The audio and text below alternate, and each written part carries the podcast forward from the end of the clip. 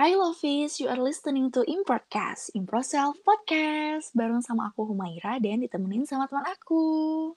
Hai semuanya, aku Diva.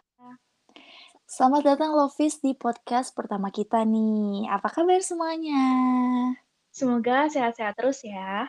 Iya dong, wajib sehat. Apalagi nih di masa pandemi kayak gini, kita harus ekstra jaga kesehatan. Bener banget nih Mai, kali ini kita mau bahas apa sih?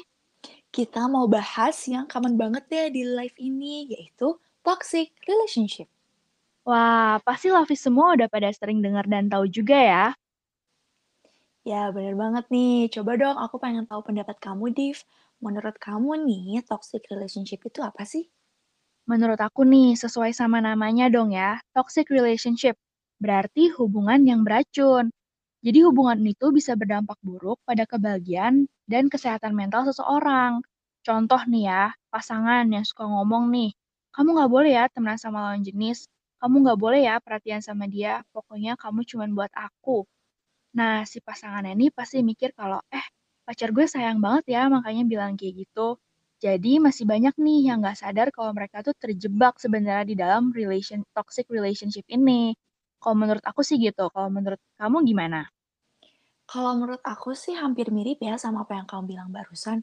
Kalau toxic relationship itu merupakan pola hubungan yang terjadi antara setidaknya dua orang. Bisa nih hubungan antara anak dengan orang tua, hubungan pertemanan, hingga hubungan romantis atau percintaan. Mungkin sebagai contoh kayak gini kali ya. Di sini aku mau ngasih contoh hubungan pertemanan yang toksik nih. Misalnya, kayak ada suatu kelompok pertemanan. Mereka tuh kelihatannya kayak kompak banget. Tapi pernah mikir gak sih pertemanan yang kita anggap kompak itu cuma dari luarnya aja? Ngerti nggak? Kayak malah, mm kayak malah di belakangnya tuh sering saling ngomongin lah, terus saling ngejelekin satu sama lain. Kalau menurut aku sih sekiranya emang kita nggak suka sama orang ya, itu lebih baik kita kayak komunikasiin langsung gitu sama orangnya kayak, eh tahu nggak sih sebenarnya gue su nggak suka sama lo karena lo itu gini gini gini gini, bukan malah ngomongin di belakang. Soalnya nih ya kalau misalnya kita nggak suka sama orang terus malah kita ngomongin di belakang kan jatuhnya orang tuh nggak orang lain tuh nggak akan ngerti gitu sebenarnya kesalahan kita itu apa gitu. Tapi kalau misalnya kita komunikasiin langsung sama orangnya, kayak ngejelasin kalau misalnya kita tuh nggak suka karena gini gini gini gini tuh kan orangnya tuh kan bisa ngerti gitu loh. Terus juga kadang aku suka ngeliat kayak misalnya, eee, dalam circle circle pertemanan tuh kayak mereka tuh pilih-pilih teman tapi secara fisik, ngerti nggak sih? Kayak, "Gue nggak mau deh tem Oh. gue nggak mau deh temenan sama lo misalnya karena lo itu jelek," misalnya, "karena misalnya lo itu apalah gitu berbau fisik lainnya." Kalau menurut aku itu toksik sih, kalau menurut kamu gimana? Bener sih, kalau yang tadi grup dalam grup itu kan emang sering terjadi ya di perduniawian ini gitu. Mhm, Kalau misalnya soal pertemanan, memang sih benar teman itu memang harus dipilih kan, tapi iya, ya yang sefrekuensi gitu, bukan dipilih secara physically gitu. Bisa mhm. kita simpulin kayak gini ya, berarti toxic relationship adalah hubungan yang membuat salah satu pihak merasa tidak didukung, direndahkan, atau bahkan diserang. Nah, serangan ini tuh bisa bentuknya secara fisik, psikologis, ataupun emosional ya. Benar banget, di dalam hubungan itu jadi ada tindakan negatif yang bisa mempengaruhi kesehatan mental orang tersebut. Dari definisinya aja kita udah tahu dong ya kalau this kind of relationship itu sama sekali nggak baik untuk dijalanin. Betul banget. Sebenarnya ya, Mai, apa sih yang bikin suatu hubungan itu Mhm. tuh jadi toksik gitu? Ya, nomor satu pasti dari orangnya lah ya. Bener tuh, bisa jadi nih si orang yang berubah jadi toxic atau bahkan abusive itu karena mereka terluka di masa lalu.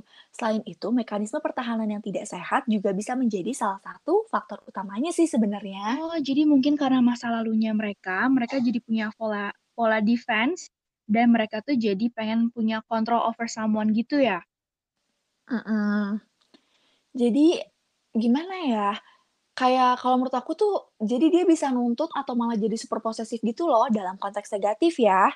Selain itu juga bisa emang si orang ini tuh punya mental yang nggak diobatin, kayak depression misalnya. Tuh, Lafis, buat kalian nih yang merasa punya bibit-bibit mental issues, yuk langsung cepet-cepet nih dicari jalan keluarnya. Komunitas Improsaf ini juga bisa loh bantuin kalian untuk terus ingetin how worth you are as a person. Jadi jangan lupa follow IG kita di @improself. Aduh, kamu ini ada aja jalan ninja promosinya. Tapi bener kok, kita akan bisa sebisa mungkin bantuin kalian. Lanjut nih, penyebab toksik berikutnya juga karena si orang ini tuh punya emosi yang nggak stabil. Kita sering lihat kan kayak orang-orang yang overreacting gitu, yang marah-marah berlebihan atau malah sedih berlebihan. Nah, Div, ngomongin penyebabnya yang beda-beda gini, bikin si toxic relationship juga punya banyak jenis atau tipe nih, Lovis. Wih, banyak jenis gini udah kayak pelajaran ya. Iya, bener banget nih. Makanya, toxic relationship juga perlu dipelajari kan, baik sama teman-teman yang in relationship ataupun yang single kayak kamu. Wah, ini kamu kayak ngehina ya, Mai. Apa aja sih tipe-tipenya? Beberapa aja lah ya, kita nggak usah semuanya, entar nggak kelar-kelar lagi kita ngomong di sini. Yes. Oke, jadi yang pertama adalah yang suka meremehkan pasangan nih, Lovis. Aduh, baru nomor satu aja ini udah nyebelin banget sih. Parah kan? As a good partner, kita harusnya dukung terus dong hobi positif ataupun masa depan pasangan kita. Plus, kita juga harus saling menghargai. Ingat ya, saling. Gak cuma pasangan kita ke kita, tapi juga kita harus sebaliknya. Benar banget. Always listening, always understanding ya. Abis itu apa lagi nih, Mai? Oke, lanjut yang kedua adalah yang suka menciptakan rasa bersalah. Aduh, gimana tuh maksudnya? Gini-gini, jadi sukanya tuh kayak nyalahin dan ngingetin kesalahan terus sampai tahap yang bukan kesalahan dia pun, dia malah kayak ikut merasa bersalah banget. Aduh, serem ya, Lavis. Memang penting sih untuk tahu kesalahan kita and say sorry for that. Tapi when someone blames you atas kesalahan mereka, itu udah bener-bener red flag ya, Lavis. Kalau he or she is not the one for you ya. Bener nih. Oke, langsung next aja ya, yang bergantung penuh sama pasangannya. Kita emang makhluk sosial yang nggak bisa hidup sendiri kan, tapi ya nggak bergantung banget juga dong. Iya dong, nggak boleh nih bergantung-bergantung, tetap harus independen. Karena orang-orang yang punya attachment issues kayak gini nih, berpotensi besar buat jadi posesif sama pasangannya. Yaps, posesif juga salah satu tipenya. Kalau lama-lama nih, udah level atas banget gitu toksiknya, bisa masuk ke tipe abusive tahu. Abusive itu secara apa aja? Semuanya dong, secara verbal dan nonverbal. Mulai dari ngeluarin kata-kata kasar buat pasangannya, sampai main tangan. Aduh, udah bigno banget deh yang kayak gini. Jangan dibiarin dan dimaklumin nih kalau udah mulai abusive gini loh, Fis. Pokoknya harus hati-hati nih. Oke, yang terakhir juga nggak kalah parah dan berbahaya, yaitu manipulative person. Mereka bisa tell completely different stories dari apa yang mereka alamin untuk bikin semua perhatian tuh fokus ke dia. Pokoknya nyebelin banget ya yang kayak gini. Iya, iya, ya, parah banget. Dan orang-orang ini pun biasanya kelanjutannya nih, jadi suka playing victim gitu dan merasa paling tersakiti nggak sih, Beb? Yes, bener banget. Kelanjutannya pasti kayak jadi playing victim dan more drama coming to you. Kayak pasti hidupnya bak Aduh, aduh pasti hidupnya hidupnya bakal makin ribet drama. ya. Eh, bener banget. Nah, setelah dengerin tipe-tipe nih, kita mau bacain cerita-cerita dari audiens soal pengalaman toxic relationship-nya. Oke, jadi ini beberapa cerita para lovis ya. Tenang aja, karena we here to just listen your stories. We promise not to judge. Langsung ke cerita pertama, Div. Oke, aku bacain ya dari Lavis. Cerita pertama nih.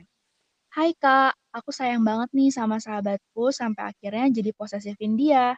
Dulu aku suka self-harm kalau lagi stres, dan dia jadi ikutan suka self-harm juga. Pernah pas itu kita lagi berantem besar, sahabat sama sahabat aku yang satu lagi, jadi mereka sahabatannya bertiga gitu ya. Mm-mm.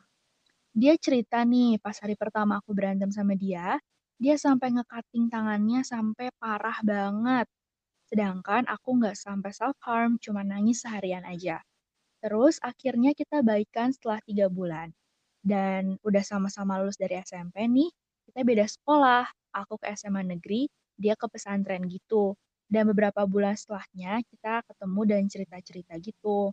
Ternyata dia masih suka cutting di pesantren, sedangkan aku udah hampir gak pernah cutting lagi. I feel bad for her. Uh, gimana nih, Mai?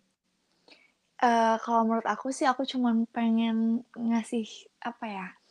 Ngasih gambaran aja kali ya kalau misalnya self harm itu kan nggak baik ya. Lagian itu bakal ngerugiin diri kita sendiri nggak sih? Iya. Mungkin Dan karena kondisi mentalnya ya membuat dia kayak self mhm. harm itu tuh sesuatu yang dia perlukan gitu. Iya bener banget, tapi, eee, semoga kita doain ajalah ya, semoga dia udah nggak kayak gitu lagi sekarang, pokoknya jadi pribadi yang lebih baik lagi. Yes, jadi ini temennya juga harus jadi support system yang baik ya buat temennya. Iya itu perlu sih, soalnya kalau kita lagi ngerasa terpuruk misalnya, pasti siapa lagi sih yang kit yang bakal kita andelin kalau bukan teman kita sendiri misalnya atau lingkungan kita sendiri gitu loh. Yes, betul banget. Ya, next story. Oke, aku mau bacain ini dari para Lovis ya. Ceritanya tuh kayak gini, "Aku pernah di tahap di mana semua yang dia mau harus diturutin. Aku pernah banget yang apa-apa itu diatur, harus ngabarin, telepon, chat 24/7, kalau nggak bisa dia marah banget. Aduh aduh gimana ya, kadang kan kita ju gimana sih, kalau menurut kamu gimana, Div?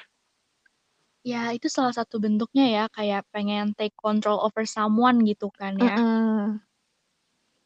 Terus juga di sini ada cerita lagi nih, aku pernah dikatain jablay cuman gara-gara sorry ya ini agak kasar nih, aku pernah Iya, maaf dikatain maaf. jablay cuman gara-gara post selfie di IG pakai parfum dan dikatain caper karena mau ikut organisasi. Div, please. Aduh, ini udah sebenarnya no comment sih ya. Ya, Cuman ya semoga aja dia udah bisa lepas gitu ya dari si toxic people-nya ini. mhm. Tapi kadang di sini aku cuma pengen mempertegas sih, kadang, eee, kita itu sebenarnya pengen kayak berias atau mungkin kita pengen make up itu bukan pengen, apa ya, bukan pengen centil atau pengen kayak cari perhatian gitu, sebenarnya bukan sih, apalagi di sini dia pengen ikut organisasi tapi malah dikatain caper. Sebenarnya gimana ya, Div?